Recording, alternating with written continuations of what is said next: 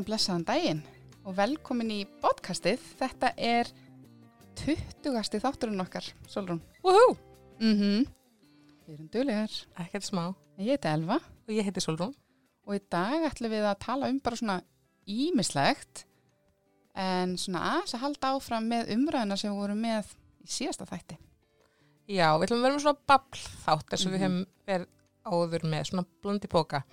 Já, ég var að segja við alveg áðan að mér langar svolítið að halda aðeins áfram pínulítið með umræðan okkar úr síðast þætti eh, sem var um svona megrunar kúra á janúar átök. Af því að uh, eftir einmitt þáttinn fórum við um þetta að spurja alveg þú spurði það ekki, húst, hvort að fólk væri mikið að svona finna fyrir þessari umræðu og fólk tók svo undir það, var svona misjáft. Já, já, ég mitt, ég spurði á Instagraminu hvort að hérna fólk tækja eftir svona janúar kúrum og samtölum og pælingum og, og þá eru sumi bara, ó já, það er bara allir að tala um þetta á kaffistofunni, það er allir að byrja að fasta og eitthvað, en svo eru sumi sem segja bara, nei, þetta er bara ekkert rætt, sko, nálægt mér, þannig ég held að þetta sé svolítið svona, komur að segja, bundi við kannski ákveðna stemningu, sko. Algjörlega. En ég voru síðan að taka eftir því sko að það fór að verða bara útrúlega mikið áriti vegna þess að svo ég hef gegnum tíðina, þegar nú er Facebook orðið svo gamalt, að ég hef gegnum tíðina joinað annars sem margar svona megrunar Facebook-hópa í svo, svo mörgum. Bæði út af forvitni, þú veist, bara svona spá í hvað sé málið. Ég hef ekkert verið mikið að tjá mig sem þá hópum og ég hef voða lítið, og ég hef, ég verið alls konar hvað er í einhverjum 5, 2 og Carb Night og Herbalife nefnduð einhverjum Já, hópum, já. þú veist, Við höfum prófað þetta allt saman. nema hvað að þetta hópa sem kannski verið virkir sko ógeðslega lengi allt inn frá að poppa upp einhverju umræður Mm. veist, og eitthvað svona motivation bla í, og hérna og Facebook mitt bara fylltist af þessu og svo svona verandi feit, þú veist, þá finnst fólki það svona, veist, vel meint og allt það, þú veist, þurfa að benda mér alveg sérstaklega á svona ímislegt, þú veist, þannig að ég bara, það búið að benda mér einmitt á, þú veist sko, nefndu það ímis tilbóð og tækifæri innan gæsalappa og benda mér einmitt á þennan, veist, þennan þátt á rúf sem við vorum að tala um Og benda og ég yrði að horfa á hann Solrún, er fólk í alvörinni, bara eitthvað fólk, að benda þér á einhver megrunatækifæri? Þú veist, ég ætla ekki að nefna henni nöfn skilur þau, en þú veist það Gerist þetta bara? eitthvað- þetta er ekki eitthvað svona beint bara eitthvað, hei þú, það er henni þetta er bara, svona, hei, þú veist, check this out Ah. en, en, hérna, en ég bara meina þetta er alveg svolítið svona áreiti og ég get bara, ég bara get ekki beð eftir að janúar verið bara búinn Mhm. og allir sé bara búin að gefast upp á þessu janúar Einmitt. og, og hérna, fatti að það svona, já, Ég er svolítið hrættum að þetta sem við erum vön að sjá sem einhver svona janúarsprengja og hún hérna frestist aðeins af því að líkansræktastöða voru ekki opnar í byrjun mm, og það er svona, það tók svolítið tíma að opna og allt þetta að bomban komur litið setna. Já, meinar, það geti Mhm. og það geti alveg verið en ég verð að segja, ég er ána með, nú erum við, heyrðu, við erum komnar að bóka samt hafliferðar Já, ó, Við erum að glöð, við erum það. heim, heim, en það er þetta ekki búið að við fengum bara svona smá sér skrýtmötur. sér með þær sem, sem fasta kúnar Já. Nei, en við sáum sem sagt hérna í morgun sáum við að það er búið að stilla upp eins og er ofta bókusöfnum svona veist, bóku sem eru taldar líklega til vinsalda í janúar Mhm. og það, jú, jú, það voru hann einhverjar bækur um mataræði og, og, og svona, Mhm. en það voru líka miklu meira svona um sjálfsrækt svona frá aðtölu og ég voru svo hrifin af því Já, það voru bók um intuitive eating sem við tölum um í desember og það voru bækur um bara jóka og, og lifðu hægar og eitthvað og svona. svona ímislegt. Já. Ég var að fíla þá. Ég með því heldur nú áfram við tölum um það síðast að hvet ég bara fólk að mig til að setja sér svona alls konar, þú veist, að setja sér markmið. Bara að almálega sé kannski ekki svona kílóa tengt. Ég mitt með líður svona pínu eins og smá svona fraud. Mm.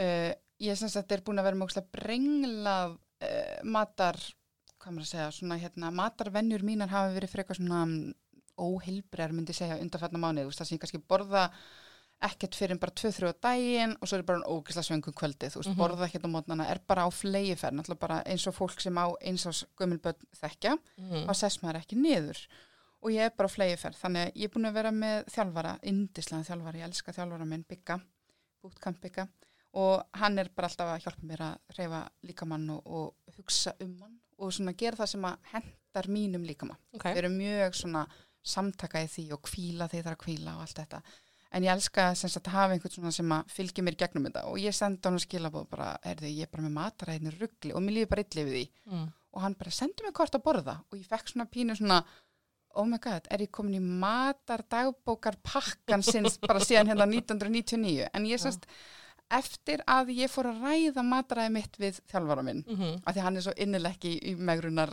businessnum, að þá er mitt fór ég að vera duglegri að borða morgumat Já, og þú veist, borða meira já. sem er brengla, ég semst byrja að borða meira eftir ég byrja að ræða þetta við bygga minn Mm -hmm. borða meira og það eru minna svöng já. Magnað elva. Vá, bara mind blown. mind blown og þá bara þú veist líður mig betur og ég er ekki dett, þú veist, ég átti það til að detti svona svona, ég veit ekki hvort við kallum þetta átkvöst, ég átti það til, veist, þegar ég loksins borðaði, Já. bara þetta er bara líffræðilegt og bara Algjörlega. borðaði ég rosalega mikið og þá fekk ég í magan og ég bara, okkur borðaði svona mikið en þá var ég náttúrulega bara þannig að sé þetta Svona svelta mig svelta þig, já, já. alla hérna klukk sem ekki viljandi, Nei, ég veit það. svona, Þannig að núna er ég svona aðeins, ég er að borða meira meðvitað. Þannig Mhm. ég hugsaði bara, vá, hvar liggja mörkin? Hvenar Mhm. heitir þetta? Þetta er náttúrulega ekki megrun, ég er að borða meira. þetta er alveg á hinum öndunum. En mér fannst þetta pínu fyndi að ég í janúar var allt í hennu farin að skrá niður hvað ég borðaði. En já, allt annari ástæðu og eng, eng, ekkert svona hérna, ég var bara að spá í, þú veist, er að koma oflöng bil já, já, á milli máltíða. Þess vegna er ég að missa orkuna, get ekki bara- séð barnið mitt og það voru að koma allt of löng bil, sko. En það eru við, eins og segi, ég meina, þú veist, bara þegar við erum að segja ekki, hérna, ekki fara í þú veist, þá erum við náttúrulega ekki að segja að fólki ekki að borða eins og því líður skilur vel og einmitt, veist, að hafa jafna orku yfir daginn skiptir bara ótrúlega miklu máli. Ég er ekki góð í þessu sjálf, sko. Þetta er pjúra líkansverðing líka bara að, að hlusta á líkamann. Algjörlega. Þarna var ég bara að gera það, ég var bara að hlusta á líkamann, bara það vantar eitthvað hérna.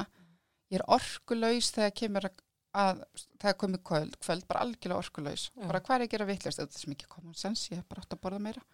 En alveg held að þessi búið að loka átagsblogginu Ég leitaði að því eftir síðasta þá.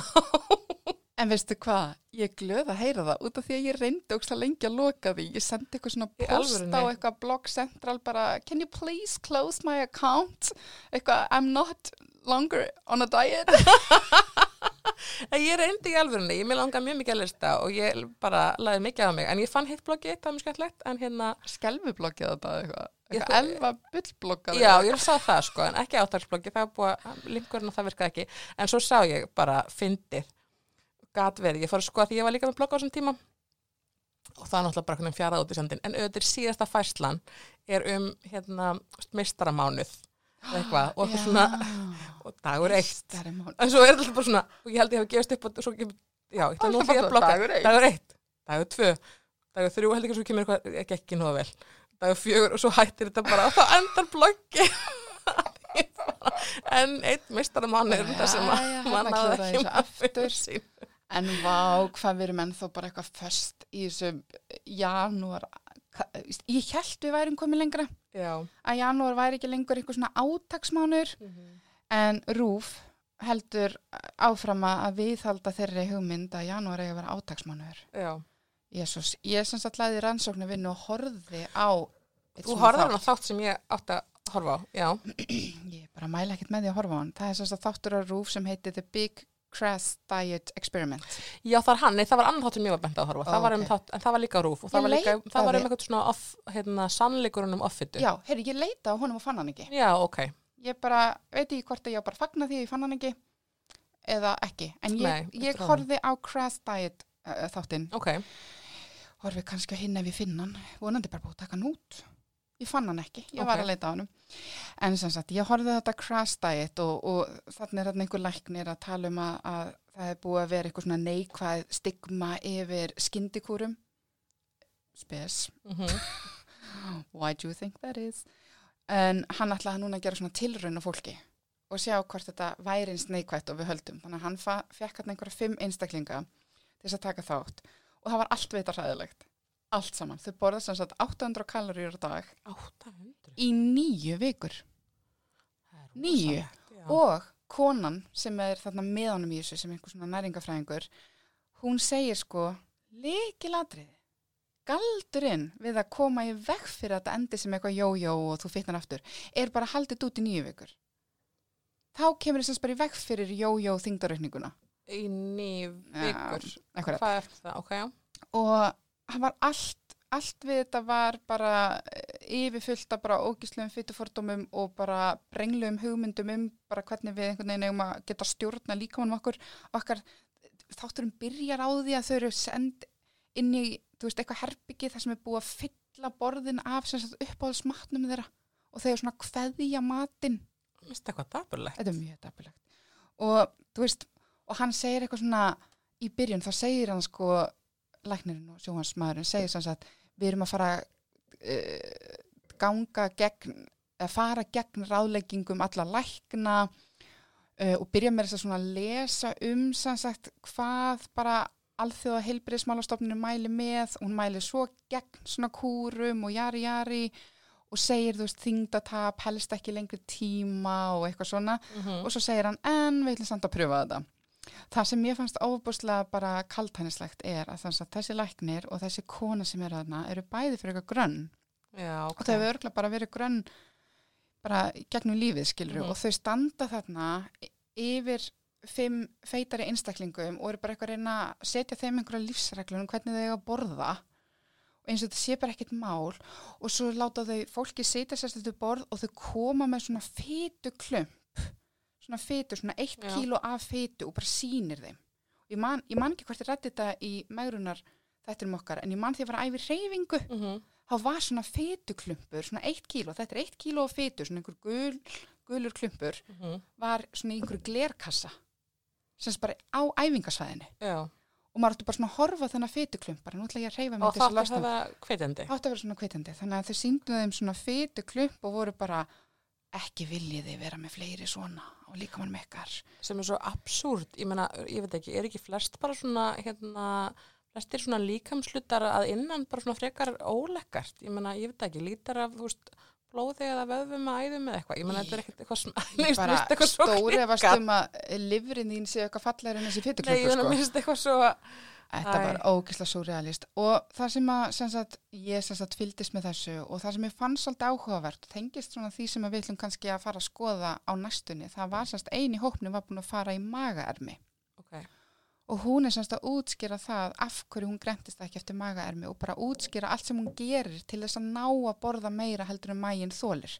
Hún fer í alls konar einhver svona æfingar, flengir svona, flengir, kasta svona höfðunu aftur og baka, eitthvað Já. svo að maturinn kom ekki aftur upp um vélindað og eitthvað og maður bara Ok. ái, æ, já, af því að þú veist það að fara í maga ermi hjálpaði ekkert einhvern veginn hennar matarvenjum eða eitthvað þannig, þannig að breytti ekki neinu. Mhm, svo var einarna sem staðist vera alveg hund, handvissa því að hún væri með matarfíkn og það var reyndar eitt sem ég fannst svolítið áhugavert e, þessi sem átti að vera með matarfíkn hún var send til sálfræðings og sálfræðingur fór að tala um það að matarfíkn væri ekki til. Ok, og ég lög ok, en ég ætla hans að hlusta núna. Og hann saði í raunin er þetta engin fíkn en þið líður eins og þessi fíkn að því þú ert ánum svo upptekinn á matnum. Mhm, og hann talaði til dæmis um það að hún var farin að tengja mat við kvíld og ég tengdi svolítið mikið við þetta þannig að þú Já. veist þegar öll börnum voru farin að sofa mhm, og þú ætlar að fara að slaka á þá ertu bara vön að fá þér að borða yfir sjónvarpinu. Þetta Mhm. er kvíldin þín, þetta er svona þitt me time. Mhm, ég held að margir getur tengt þetta sko. Algjörlega, vá, mjög mikið, og þá er þetta líka bara svolítið svona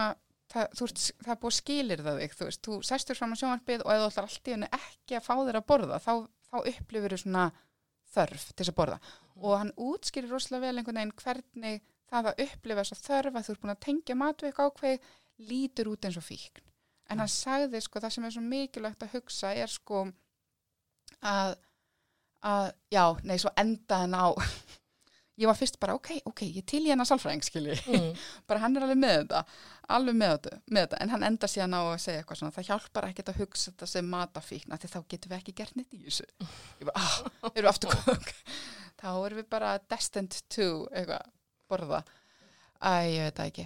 En það sem að ég var óslega peppu, það var hérna ég var búin að horfa á þáttin í einhver svona 40 eitthvað mínútur og þá kom eitthvað svona, ok, nú ætlum við að fylgjast með hvernig þeim gekk eftir þessa nýju vikur og allir voru viktaðir mhm, aftur. Og ég hefði ok, nýju vikuna komnar. Og það var samt smá eftir þættinum og ég hefði ok, þeir hljóta þá núna að koma með svona long, long term effect, þeir hljóta að Mhm. fyllt þeim eftir. Jú, jú, þau fylgdu þeim eftir. Ég var ógsta peppuð, bara ok, fylgdu þeim eftir. Frábært, Mm. þau fylgdu þeim eftir í fjóra mánuði Nú, ok, fjóra mánuði. Já, og ég byrja að googla. Já, bara do the people from the crash diet experiment uh, maintain their weight loss? Já. það finnst náttúrulega ekki neitt. Nei, það er ok. ekkert til, það er bara Nei. búið. Eftir þess að fjóra mánuði er bara ekkert meira að skrifa um þetta. Þetta er bara búið. Ok. og ég er bara, ok, great við erum bara að gera sama og við höfum séð trilljón sinnum En ég skil ekki alveg hvað er nýtt í þessu, því við vitum alveg, við vitum alveg að, að fólk getur, margir geta mist mörg kíla og stuttum tíma alveg, já, já, já. og, og þú getur gert það, það getur gert það í nokkra vikur en nokkra mánuði. Mm. Mhm, Við erum að tala um bara svona til akkurat, og þetta fólk hefur eflaust gert það lengri tíma, oft. sko. Já, já. þetta fólk hefur gert þetta oft. Og þetta léttust þau, þau voru að borða Já, shit. þau voru að 800 borða á við tveggjára barn. Já, auðvitað léttust þau, en ég minna allar ansóknir sína að þau munu bætus á sig aftur mm og hérna, og jáfnvel festast einhverjum svona jójó ring, þú veist, ég er bara ég skil ekki rúf að hafa Nei, þetta sem einhvern janúar þátt, sko. En, en, en svo er þetta eins og við um talaðum, fólk hefur, sko, eins og við, mannstu þegar við vorum að tala um á hverju líkansrættastöðarnar voru að auglýsa, uh, þú veist, uh, að þú léttist um x mörg kíló og það er það, er það sem að það er það sem selur selur og þetta er eitthvað sem fólk vil horfa og þetta er sem fólk vil horfa í janúar og finnst skemmtilegt. mm -hmm. Þannig að, veist, það er bara, það er náttúrulega ástæðan. Já, við erum ekki fullkomnar Nei, en með, en með svona crash diets, ég var einmitt fegin, bara svona smá side note, um, að því að við höfum stundum, við höfum aðeins tala hérna um frjósemi og, og frjósemi og svona, og þá var einmitt gerð rannsókn, mjög stór rannsókn, við heldum eins og tala um það hérlendis, það sem að konur sem voru að leiðin í frjósemismeðferð voru, eða hún var á Norrlöndunum, við tókum þátt hérna á Íslandi, konur sem voru að leiðin í frjósemismeðferð voru látnar einmitt fara á mjög svona einmitt crash diet í nokkra vikur og mistu alveg eitthvað kíló bara mm eins og gerist. eins og gerist. Og það var en það er í rauninni hérna, það gekk ekki betur heldur en samanbyrðahópi. Já, þannig að og- breytist ekki við það. Það breytist ekki árangurinn úr þessari hérna, nei, frá sem meðferð sko. sem að er í rauninu svolítið gegn þessari hugmynd sem margir hafa að, að, að þú þarft að vera að feitar konur þurfa að vera grennir til þess að vera frjósamari. Já og svo er þetta náttúrulega eins og segja mjög hot topic og jú, jú, það eru hérna einhverjir áhættu þættir sem fylgja því að vera þingri á en, og við höfum alveg talað um það. En, en, en hérna, en sem hérna en áhrif allavega þess að svona, það vil allavega ekki hjálpa, allavega ekki, ekki hjálpa að fara eitthvað svona crash diet Nei, og já, hefur náttúrulega ekki bara góð áhrif og líka það sem henni að fara að borða svona lítið sko. Heyrðu, en uh, nýtt ár, nýtt hár, Elva Nýtt ár, nýtt hár. Já. Ó, ég er svo oft talað um hárum mitt. Ok, eins og við vitum að lí, líkansmyndin er ekki bara holdafærið okkar, sko. Við erum Mhm. aðeins að hérna, tala um eitthvað annað það. Einn ótrúlega stór þáttur af svona, eitt svona stór mótuna þáttur. Ég minni líkansmynd er hárið mitt og ég hef nú, hef nú oft talað um hárið mitt. Ég er sem mjög fíngert hár og mjög þund. Það var ekki alltaf svona þund, en svo svona hefur það þinnst í gegnum árin. Mamma heldur alltaf að sé að því ég var alltaf að lita það, hún heldur alltaf að ég sé alltaf að lita það, ég hef ekki litað í ókjústa langa tíma, þetta er aflitunin Elva Björk og er eitthvað að rifja upp eitthvað þegar ég var 16 ára og litaði bleikt, en hérna ég er samsagt bara með frekar þund hár og það hefur alveg trubla mig og ég held að svona mín næsta vinna í minni líkansmynd sé hárið, að því ég er alveg komin óbúslega góðan stað með svona, þú veist, holdafarið, það er bara einhvern veginn, er alveg hægt að trubla mig sko, en hárið trubla mig ennþá sko, það er ennþá eitthvað svona, það er ennþá viðkvæmi punktur sko, en ég sem sagt átti barn fyrir hvað, 16 mánuðin síðan og eins og margir þekkja þá, og, og margir hafa kannski upplifað er að hárið okkar á það til að verða þykkar á meðgöngu. Það fer í einhvern svona fasa, það heitir eitthvað svona dauðafasi og lífsfasi og það breytist um fasa á meðgöngu og ég fekk alveg bara það sem að, á mínu mæli hvar það er svona þykkt hár á meðgöngu og ég fór loksins að ganga með tagl. Þetta er það sem að margir þekkja ekki sem er ekki með þundár. Ég er aldrei með tagl, að það er bara svona, svona spræna.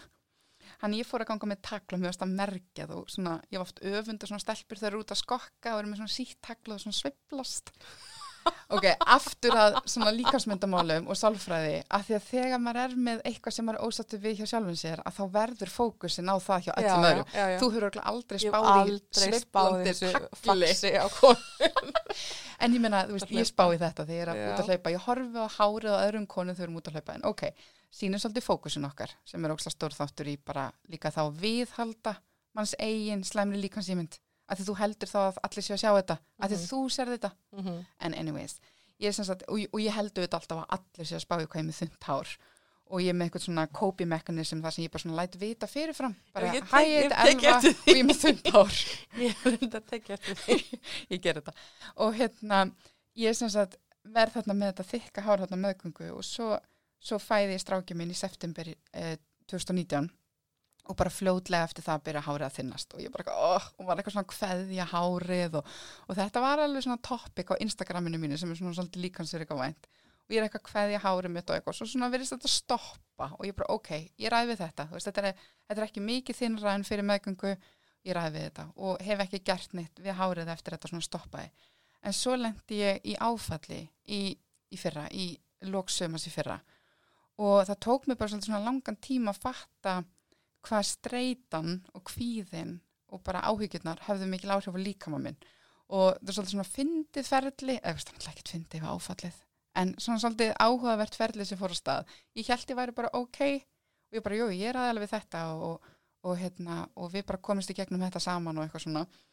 Svo var ég bara fann að fá migrenisköst ég endaði þarna einhvern tíman í hvað var ég, í november endaði ég heila skanna því ég var búin að með svima í mánuð Já, alveg. alveg bara það mikið svima með að flögurt og ég bara enn skrítið, best að skanna heilan og sjá hvort ég sé nokkuð að foka heila blóðfall eða eitthvað. En þá var sem sagt svimi minn var bara vöðvabólka, en eftir að hafa farið í heila skanna og alls konar rannsóknir tjekka á kristöllum og játtskorti og eitthvað, búin að fara til kýrópraktors þá endaði ég hjá sjúkranuttara og hann bara byrjaði hérna að nutta hálsin og hann bara, jæja er þá er ég versta case sem hann hefur fengið Í alveg. Ég trúði því ekki, því mér fannst þetta svo lítið mál. Já. Ég bara, það getur ekki verið að ég sé vest, skilur, þetta er sjúkranuttari, hann er að sjá um fólk eftir slís og svona. Og hann er bara búin að taka á þessu og eftir fyrsta nuttíman í honum þá hvar svimin. Ok. Bara hann opnaði eitthvað og svo kenda mér svona æfingar til þess að losna við sviman. Að það var þarna þessi svimi, svo var ég farin að upplifa það að alls konar svona hljóð, ég held alltaf að var komið jarðskjálti, að þið stuttu eftir slísið sem að var áfallið, voru, var jarðskjálti Já, já, já. og þannig ég var alltaf að búast við jarðskjálta þannig að líka með minn, ég fattaði þetta ekki fyrir en svolítið setna, en líka með minn var bara fastur í svona fight or flight mode. Mm og ég var bara allan tíman að búast við slisi og ef einhver var að labba fyrir aftan mig eða einhver kom á hjóli fyrir aftan mig hjarta tók alltaf svona kipp og ég held alltaf einhver að fara að klessa á mig, ég held alltaf að bíla var að fara að klessa á mig. Ég fór tvisa sinni með barnið mitt upp á bráðumóttöku að ég held að var eitthvað að, einu sem ringdi bara sjúkrabíl og ég held að maður var að fá ofnæmiskast þá var hann bara búin að orga svo mikið að hann var rauður í framann það var ekkert á honum og ég seti sjúkrabílnum og hann var hættur að orga og hann var hann eðlur og ég var bara ok, elva, þetta er ekki lægi.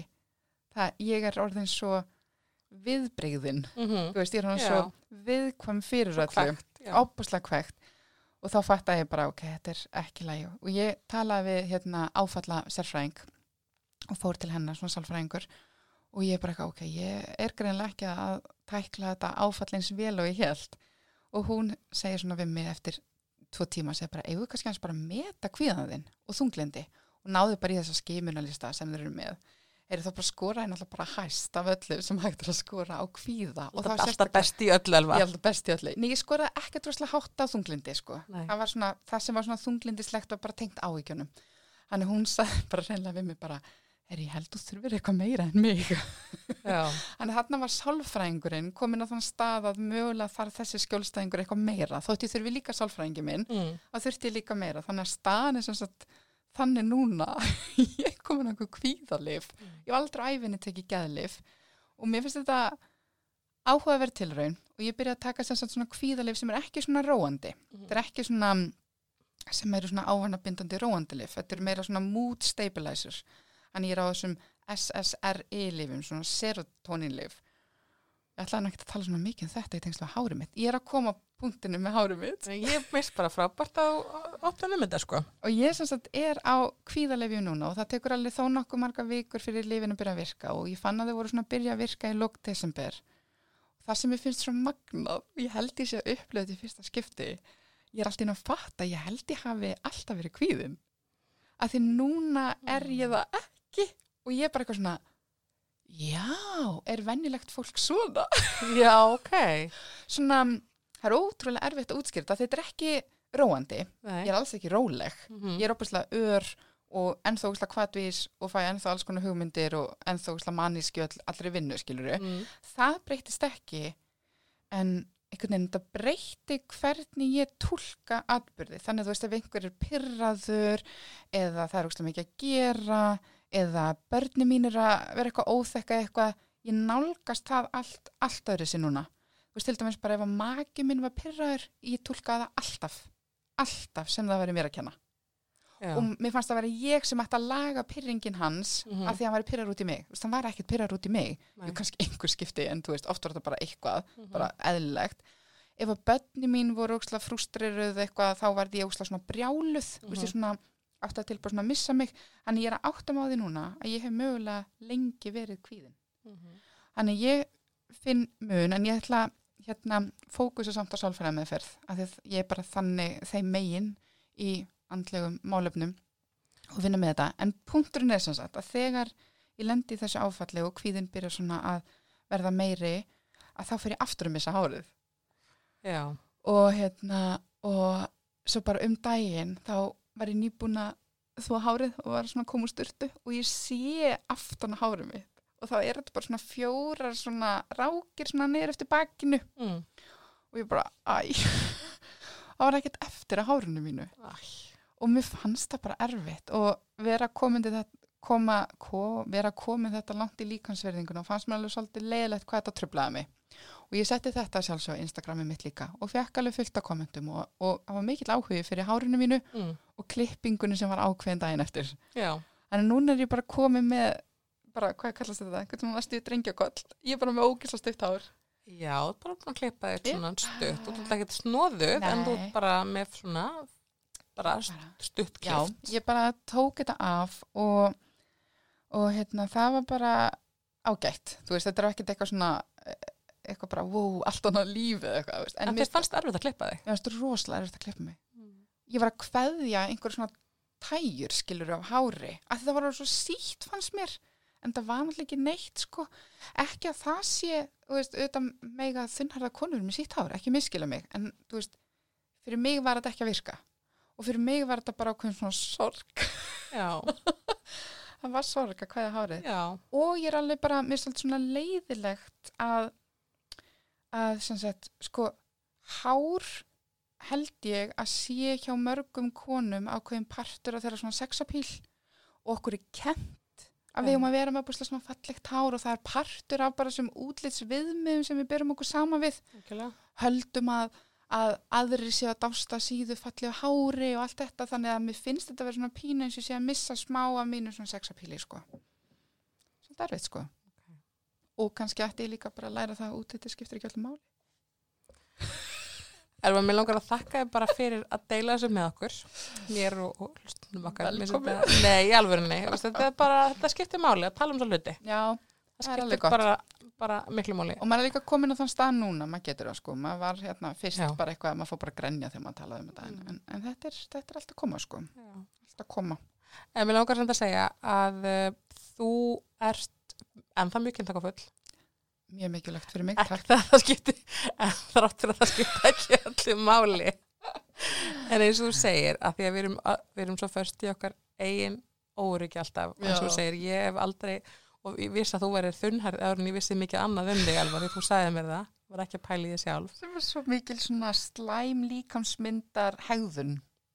Algjörlega. -hmm. En ég ætla samt að segja að mér finnst sko, til dæmis þegar ég þig og þú klippaði stöð og ég öfunda það svo því mér mér svo fallit höfðalag og ég er þess að bara, og nei, að sjáðu, hvað maður klikkað, svo projekta ég þessu, ég bara svona, að því ég, úst, að því ég var sko, ég er með svolítið svona st- stórt höfuð og ég er, ég er, úst, þetta er ekki bara ímyndin, ég er með mjög stórt höfuð, ég er með bara stærstu stútars húna, skiluru og, og hérna, en það bara, það bara, þegar ég er svona feit, þá, fe- þá felur það, þá sérst það, ég ekki. Svona ég hef aldrei spáði Nei, hvort veistu, þetta er nei, stóra ég bara að segja þér það. Umgjað mamma mín og ég var tekið með hérna svo, ég var tekið með svona sáklukku og ég var svona conehead. Ég var bara Ó. mjög svona ófritt unga bann með svona mjög stóran haus. Það hefur aldrei alveg jafna sig. Þannig ég hef alltaf að hugsa bara ó, þú veist, ég gæti alltaf stóða mig. Ég gæti alltaf verið stutt her það væri bara hræðilegt. Þannig að, þannig að ég sko hugsa bara, ó, þú veist, ég vildi að hún hérna ég vildi að ég væri svona hérna uh, mikið, þú veist, beauty hérna höfuð og face og geti verið svo stutt Þannig ég myndi aldrei klippa mig stutt út af, út af þessu sko, ekki út af, þú veist, ekki út af því að mér er svo flott Mm. endilega verið með sítári, heldur að því að það má ekki sjá hvað hausum minn er En skrítið. þetta er svona svo magna þannig að koma Ah, aftur að því að ég tek eftir hárinu hjá þér Já, já. Ég hef aldrei spáð í höfulæginu Þú þínu sé það á myndum elva, það er mjög, ok. Ég en hef ok. aldrei, nei þetta er þinn fókus en ég Þinn fókus, ekki minn Ég horfa á hárið þetta því að Solrún er rosalega þykkt og fallið tár en já, Oh my god ok, það var mjög verið mynda grænjandi, þetta er bara Ó, mjög losandi Ég er í hérna. kasti Já, Ok, en þetta sýnir, kæru hlustundur, þetta sýnir Já. fókuspunktin okkar Já. af því að ég hef aldrei spáð í höfulæginu á Solrúnu. en, en svo er hægt að vera með komplexa eins og við höfum svona rætt og við höfum í, sko, við ætlum ekki gefa það hérna í podcastinu held ég, en vi- við í góðra vinna hópi höfum nú rætt sko komplexa og það er hægt að vera með komplexa yfir öllu. Já. Það er svakalegt. Og við höfum átt svona samtal við Já, vinkonur, Já. þar sem að þær eru kannski búin að vera með komplexa yfir einhverju í útlitið sínu í 20 ár já, og við tökum ekki eftir fyrir það að nefna nei, Aldrei ekki eftir. nei. Það segir svolítið mikið. En það- mér langaði að nefna Já. samt með hárið. Ég Já, glemt að nefna það er að því að hérna, ég var svo mikið að tala um hár og hárlós og svona. að Mér langar að nefna að það er uh, hlaðvarpsþáttur, kviknar hlaðvarpsþáttur fjallar um hár. Það er einn kviknar hlaðvarpsþáttur sem fjallar um hár. Það sem er talað við svona hársérfræðing um bara hárlós og allt þetta og, og bara svona tenginguna við sjálfsmyndin og svona. Þannig ég hérna, mæla alveg með að hlusta á það. Gekkja, mælum með því. Og við mælum nú með kviknar þáttunum á stöð 2. Eh, Já, algjörlega, æðislega þetta er. Líf dafnar. Já, er líf Þeir hei- kviknar var fyrst serían líf, og það er, hlaðvarpi heitir líf, Nei, hlaðvarpi heitir kviknar. Hlaðvarpi heitir og kviknar. Instagramið heitir kviknar, Kviknar. Og fyrsta serían sem var á sjónvarpi Símans heitir Líf Kviknar en sería 2 sem er verið að sína á stöð 2 mm, heitir Líf já, og þar koma, komum við nú fram í þreðju þættinum sem var senda núna í þessari við já, og við vorum að ræða um líkamsýmynd eftir meðgöngu. Og svona já, og líkamsmynd á meðgöngu. Svolítið svona það sem að við sem hóf þetta ferli hjá okkur á sínum tíma og eftirfæðingu líka. Já, eftir fæðingu það þáttur við síðan það það. Er langt sem við tókum þetta upp sko. Ég held að við verðum að tala um líkasmynd eftirfæðingu Nei, ég vona að þetta sé allan áhugaverð allavega, hvetjum fólk þess að horfa. Já, mælum með Kviknar. Já, og Lífdafnar. Heyrðu, uh, lof og last. Já. hvað segir um það? taka það svona í lokin. Byrjað á lofi Solrún. Ég ætla að byrja á lofi, ég ætla að, að byrja á að lofa uh, samfélagsmiðlastjörnuna Lilju Gísla. ó, já mér finnst hún ótrúlega flott. Ég mæli með að followa henni á, að fylgja, fylgja, fylgja henni á Instagram. Og hún skrifaði pistil sem að ég veit að Devaf byrti líka, sem var ótrúlega flottur. Hún er bara ótrúlega hérna, já bara svo hérna, bara hún svo flott, flott fyrirmynd og hún er nú líka með hún er með hlaðvarp. hlaðvarp Já. Bachelor þættina, Rétt, Fantasíusvítan ég hlusta á þetta einmitt. og piparinn, ég hlusta líka á piparinn bara sjátt átt á tvö og piparinn Hlaðvörp um bachelorum er það sjúklega það er bara valla nóg sko Þú vilt ekki verið með þriða hlaðvarp, Elva? nei, en ég talaði samt um raunveruleika þætti og Bachelor í hinu hlaðvarpinu mínu popsálin Já, já, já, já. Ok. Herra, mér langar að lesa hans upp úr Já. þessu, þessum pistli hennar Lilju. endilega Mér hefur alls ekki alltaf þótt vænt um sjálfa mig og oft voru það rattir annara sem hefðu áhrif á mína sjálfsmynd.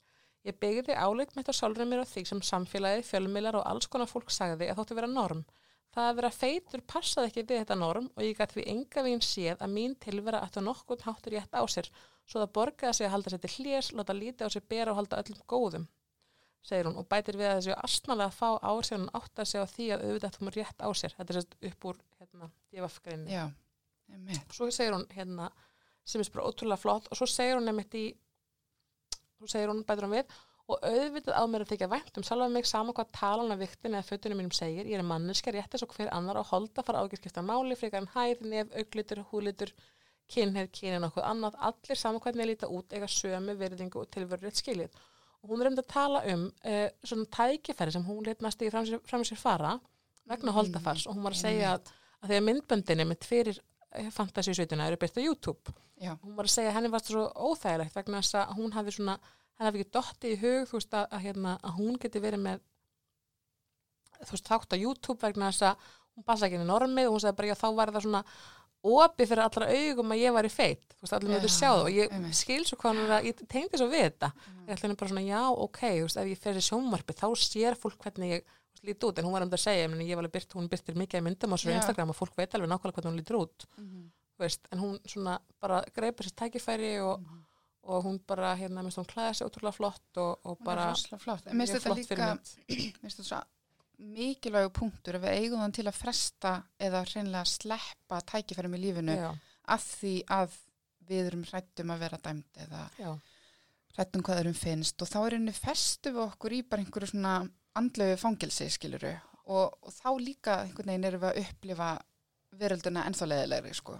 algjörlega, ég held að þetta sé líka bara því að því að öllum sem eru með einhvern veginn þessa uh, kannski slæmu sjálfsmynd að Já. það er tilhengt til þess að halda sér veist, til, hlés og gera sig minni á einhvern, einhvern hátt sko. sem við heldur síðan slæmi sjálfsmyndinni Algjörlega. af því þá veist ekki að þú getur gert þessa Mhm. hluti, þú veist ekki að þú getur Mhm. stundað þetta nám eða sótt með þessa vinnu en þú ert alltaf að staðfesta fyrir sjálfrið þér ó nei, já, ég geti þetta ekki. Þú, veist, þú fórst aldrei í námið, þú reyndir aldrei að sækja um stöðuhækkunina og þannig að þú ert ekki búin að fá stöðuhækkunina sem staðfesti það að þú átt hann ekki skilið. Mhm. og þannig bara ertu fastur í svona lúpu sko. algjörlega. Þannig er um að gera að brjótast út úr henni. Og svo kannski vonum við að við solunum séum búin að sína ykkur núna líka að það fólk er meira fókus á sjálfan sig heldur en aðra. Já, maður tekur ekkit endilega eftir svona hlutum og annað sem að mér finnst líka mikilvægt að, að, að maður reynir líka að finna það fallega við annað fólk, skilur Mhm. þú veist, þannig að ég kannski horfi á einhvern sem að finnst hann ekki vera fallegur en ég spotta eitthvað allt annað heldur en manneskjan sér, sko. algjörlega og svo eins og við um talað um þá þau- hérna er líka mikið vægt að færa fókusin svolítið frá útlitinu að þetta sem skipta máli Má ég þá koma að lasti dagsins? já, endilega Ok, færa fókusin frá útlindinu, endilega. Herði, ég uh, tók eftir grein sem að fór svolítið hátt á netmiðlum og mér var líka bent á. Grein sem byrtist haldi á DFF en er uppaflega inn á vefsíðinu Livðu núna, þar sem að er sem sagt verið að kenna konum hvernig það er að klæða sig á eldri árum mm -hmm. og það er hann Heiðar Snirtir sem skrifar þessa grein og hann segir hérna konur fara gjarna að sapna á sig kviðfytu þegar aldurum færist yfir og verða svo gott, verða svo gott sem mittislausar. Þær geta fengið ístru þóttar fytni að öðru leiti ekki sérstaklega. Þá er komin tími til að leggja beltinu. Einmitt. Um, segir Heiðar Jónsson Snirtir sem hefur áratugum saman kent konum hvernig það eiga að klæða sig með við vakstalag. Svo segir hann líka hérna, ef konur eru komna með ístru verða þær að horfa gaggrínum augum á vakstalag sitt í speklunum, segir Heiðar. Ef mittið er farið þarf að horfa á það sem er fallegt um manneskinu, ok, allt gott og gilt. Og hann seg, segir síðan hérna aðeins setna, eh, já, sem sagt maður að fókus á eitthvað sem er fallegt við mann og svo segir hann hérna uh, já að ef að aðri líkanspartar eru farnir að láta ásjá Mér að þá þarf maður eitthvað að verja vernd, eða, já, fela þá. Sko ég veit alltaf hvað ég var að byrja og þetta er á svona vefsíðu sem er með fréttir og fróðleik fyrir sagt eldri einstaklinga Já, það er markópurinn. það er markkópurinn og ég er eiginlega bara kjátt stopp um, sko í fyrsta lagi bara þvílík útlits áhersla og ef þetta er sagt það stendur hérna markmið með vefsíðunni er að gera líf og störf þeirra landsmanna sem eru komnir um og yfir miðjan aldur sínilegan. Allt gott og gilt frábært. En sko, ef komin á einhver eldri ár, það stendur hérna yfir 55 ára, eitthvað svona, hvenar máttu hægt að spá í mittismáli og útliti? Þú veist hvað, megu aldrei, sleppum við aldrei? Nákvæmlega, ah. en ég bara ég skil ekki, ok, ég held að við varum orðin flest bara sammála það að fólk má bara klæða sig eins og Já. það vill, sama hvernig það er í læginu og bara því að því bara líði vel og tjái sig eins og það vilja tjá sig með sínum klænaði Einmitt. Sko, mér finnst kannski, þú veist, sumir hafa áhuga á, á hérna, að því að líta út á okkur ákveðin Já. hátt og okkur, hérna, þú veist, vilja draga fram, skilur þú segja bara, já, þú veist, ég er ósáttur við þetta og vil draga fram þetta og fyrir að þú vilt Já, eitthvað já. ráleika það, eins og hann segir, draga fram eitthvað sem er fallegt, Já, já. að þú vilt vera útlitsfókuseraður, já, en, en einhverja almenna leiðbendingur um að, um að hérna, fela einhverja ístru og þú með ekki gangi þessum og þessum fötum og, það er leiðbendingar eitthvað um að þú verður einmitt að lifta brjóstunum þannig að þau þau feli finnst þetta svo út úr kú eitthvað. En sko nú er þetta bara að koma frá mér já, ekki frá podcastunum sem fyrir bara í podcasti. Nei, það að það sé hvítur kallmaður sem að er ekki heldur grannur nei að segja konum að þær þurfa nú að passa sig að þið þarf konum með ístru og fullónasaldri ég er bara, æ, hættu að kasta þessum steinum úr glerhúsi sem þú ert í. Já, þetta bara, algjörlega. þau bara töðunar á mér. Nei, já, ég skilja bara mjög vel. Ég er bara, þú mátt alveg að tala fyrir hann podcastins. Æ, ég vildi bara ekki vera eitthvað að um en- útliti hann. Ég, vil- ég, veist, venjulega vil ég ekki vera að tala um útlit annara en hann er Nei, nei. að setja fram einhverjar pælingar og æ, Ég veit það, ég veit það. Æ, þetta er eins og segi, ég bara hérna, við erum, við það fara bara last, last hjá, hjá okkur. þetta fær Þetta, og eins og segi, og ég hveit allir til þess að bara klæða sig eins og þeir vilja og eins og þeim, e, já, eins og þeim líður vel, en, en eins og segi, jú, fínt, þú veist, að draga fram það sem að þú ert ánaður, Mhm. ánaður með, þú veist, ef að það er eitthvað sem þú ert að sækjast eftir, fínt. akkurat já, já, já, já. Ég er minn eini. En þú Já. varst með annan lof, ástu mín Já, svo við endum að lofa, við ætlum með, svona samloku, sko, með, Já. það, sem er með svona hrós og svo maður með svona gaggrinni og já, svo og svo kemur maður með hrós, hrósið, sko. þetta er samlokuteknin Algjörlega, ég er alveg með, ég er alveg með tvö hrós. Mér langaði, þetta eru svona tónlistarhrós. Já, Æði. eh, eitt hrós fyrir, fyrir tvo aðla. Mér langaði að hrósa Daða Frey uh, af því að hann, og Ástísi Marjó Viðarsdóttur sem ég hef hérna, þekki hann að minna en, en uh, ég held að hún hafi reyndar samið þetta lag uppalega sko, svo kom Daði Frey svona með inn í þetta. En þau voru svona að gefa út lag sem heitir Feel a Love og myndband með svona með skeggja, geggjumdansara og, og þetta er svona lag, og þetta er ekkert beint eitthvað um hold að fara líkasverðingu, þetta er bara svona pepp lag Já. um sjálfsást og mér textin svo geggjað lag. einhvern veginn og þau segi hérna, ég held að Ásti segi í viðtali, ég vissi ekki að mér vant að gera lag sem tjáði eitthvað svona sjálfsást þetta fjallar rosalega mikið um það verið ekki að pæla því sem annar fólk segir. Leif ekki annara manna skoðun á því að hafa áhrif á það hvernig þú presenterar þig í lífinu. Það er ótrúlega mikið af fólki gegnum tíðan sem er þótt ég vera á mikið og ég eitthvað sem miklum tími að vilja þóknast þeim en ekki geta það. Mm. og það leiðilt að vera eins og annað fólk segir mann að vera og þetta lag er um það, feel the love. Og mér svona og alveg að horfa á myndbandi er Já, og horfa á skemmtilegt. myndbandið, og, og hérna, þetta er svona veist, einmitt, dansari og hérna, Mhm. sem mist ótrúlega flottur og já, og það er líka svo gott að eiga það er svona líka myndaráð ef ég má skjóta því að Já, inni já. það er svo gott að eiga pepplög það er einhverja mjög gott fyrir eða peplum. slæma líkasmyndadaga eiga pepplög Ætluðu við ekki verið, er eitthvað svona pepp, Pepplög. ætluðu við ekki verið eitthvað svona lista, pepplaga lista Ú, hvað það verður skemmtilegt ég var samt pepplag sem að ég veit ekki, ég bara hef túlkað uh, hérna túlkað textan á minn veg sem er hérna shake it ekki shake it up með Taylor Swift. Nei, eitthvað shake it out eitthvað með hérna uh, hérna Florence. Já, Hérna- já, já, já, Frozen Machine Já. já, einmitt, það er gott lag. Já, gott lag. Já, en það er svona playlisti podcastin sem kannski eitthvað svona setjum tíma verkefni. Hefur svo langa með að hrósa eða lofa hana Bríett sem er náttúrulega vinsalasta tónlistar manneskja uh, landsins Mhm. og bara drottning íslenskar tónlistar eða prinsessa, hvað sem maður segir. Um, og bara þetta er ótrúlega náttúrulega bara flott fyrir utan það hvað hún er hérna flott söngkona og flottur lagasmur og tónlistarkona að þá er hún náttúrulega bara, veist, hún er mjög, þetta er mjög falleg stúlka, mm Mhm. skilur við, hún er veist, 21, hún er bara uh, samkvæmt öllum fegurðar viðmiðum, en hún er, og er ótrúlega mikil fyrirmynd, þú veist, fyrir marga, en hún er einhvern veginn ekki hrætti að vera ekki sætt. já, einmitt veist, og maður sé svona margar, hvað hefur við séð margar tónlistakonur og hvað þegar við vorum að, veist, vorum unglingar og, Mhm. ungar konur. Nei, veist, skilur, þá, þá var þetta bara gegnum góðan að vera bara svona sexy og sætur sexy, og sko, í tónlistamindböndunum sínum Mhm.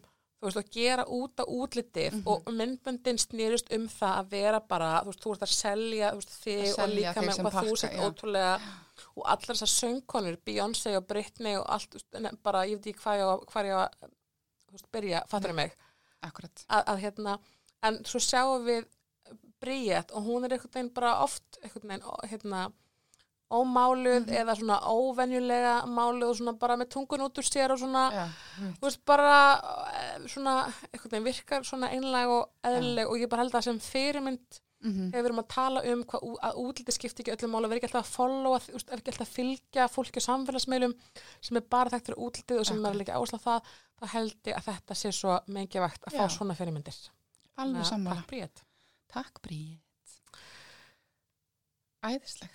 Já. Er það komið, nú þurfum það að tala um framhaldi hjá okkur, Sólrún. Já, við Elva erum að hætta saman því hún er komið með annan kærasta. Við erum samt bara svona on a break. Nei, nei, nei, við erum on a break. We were on a break. Uh, Nei, já, þetta er líka þáttu 20. Við vorum alltaf búin að ákveða að taka svona smá, kannski, pásu. já, já. Við ætlum að taka smá pásu, við erum komin 20 þætti, en það er líka vegna þess að, sko, við erum með svo mikið af hugmyndum sem krefist þess að við fáum til okkar viðmælendur. Akkurat. og við erum með rosalega mikið þáttum í bígerð og svona sem að, og það er rosalega erfitt og við erum alveg reynd að taka viðtöl á Zoom en Já. það er bara, hljóðið verður ekki gott Við ætlum til dæmis að vera með þáttu um fytufordóma og þá ætlum við að fá gest sem að við viljum fá í hljóðverið og við ætlum að reyna að vinna þáttu um, stráka. Já, Og við erum, um byr, við erum byrjuð á honum en þurfum aðeins að um, fá að klára hann Já, við ætlum að tala um holda frá húmor og, og langar að tala um líka sem við tengslum við föllum og kynvitundum eftir að, hann er tala svo um það. mikið af svona gestaþáttum sem að við þurfum í rauninni hljóðverið okkar eða stúdíu okkar í. já, þannig að við ætlum að taka spá pásu og, og svo fyrir við að, að hérna, þegar hljóðverður opnar aftur og Já. að fá viðmælandi til okkar okkur langar líka að vera með þáttum maga aðgerðir Já. við fengið bæði beðin um það og hefum aðeins verið að pæla í því Akkurat. en okkur, við myndum nú geta vilja að fá viðmælandi sem hefði reynslu af því að fara Já. í magagerð. Slæma eða góða, skilja, bara já. einhverja reynslu og hérna, og, og fá að heyri einhverju, þannig að ef einhver hefur áhuga að koma að spjalla við okkur, bara það er að gera það alveg nafnlaust líka, Já, algjörlega. að hérna, að senda okkur línu bara í gegnum uh, podcast Instagramið, örgulega þægilegast. Já.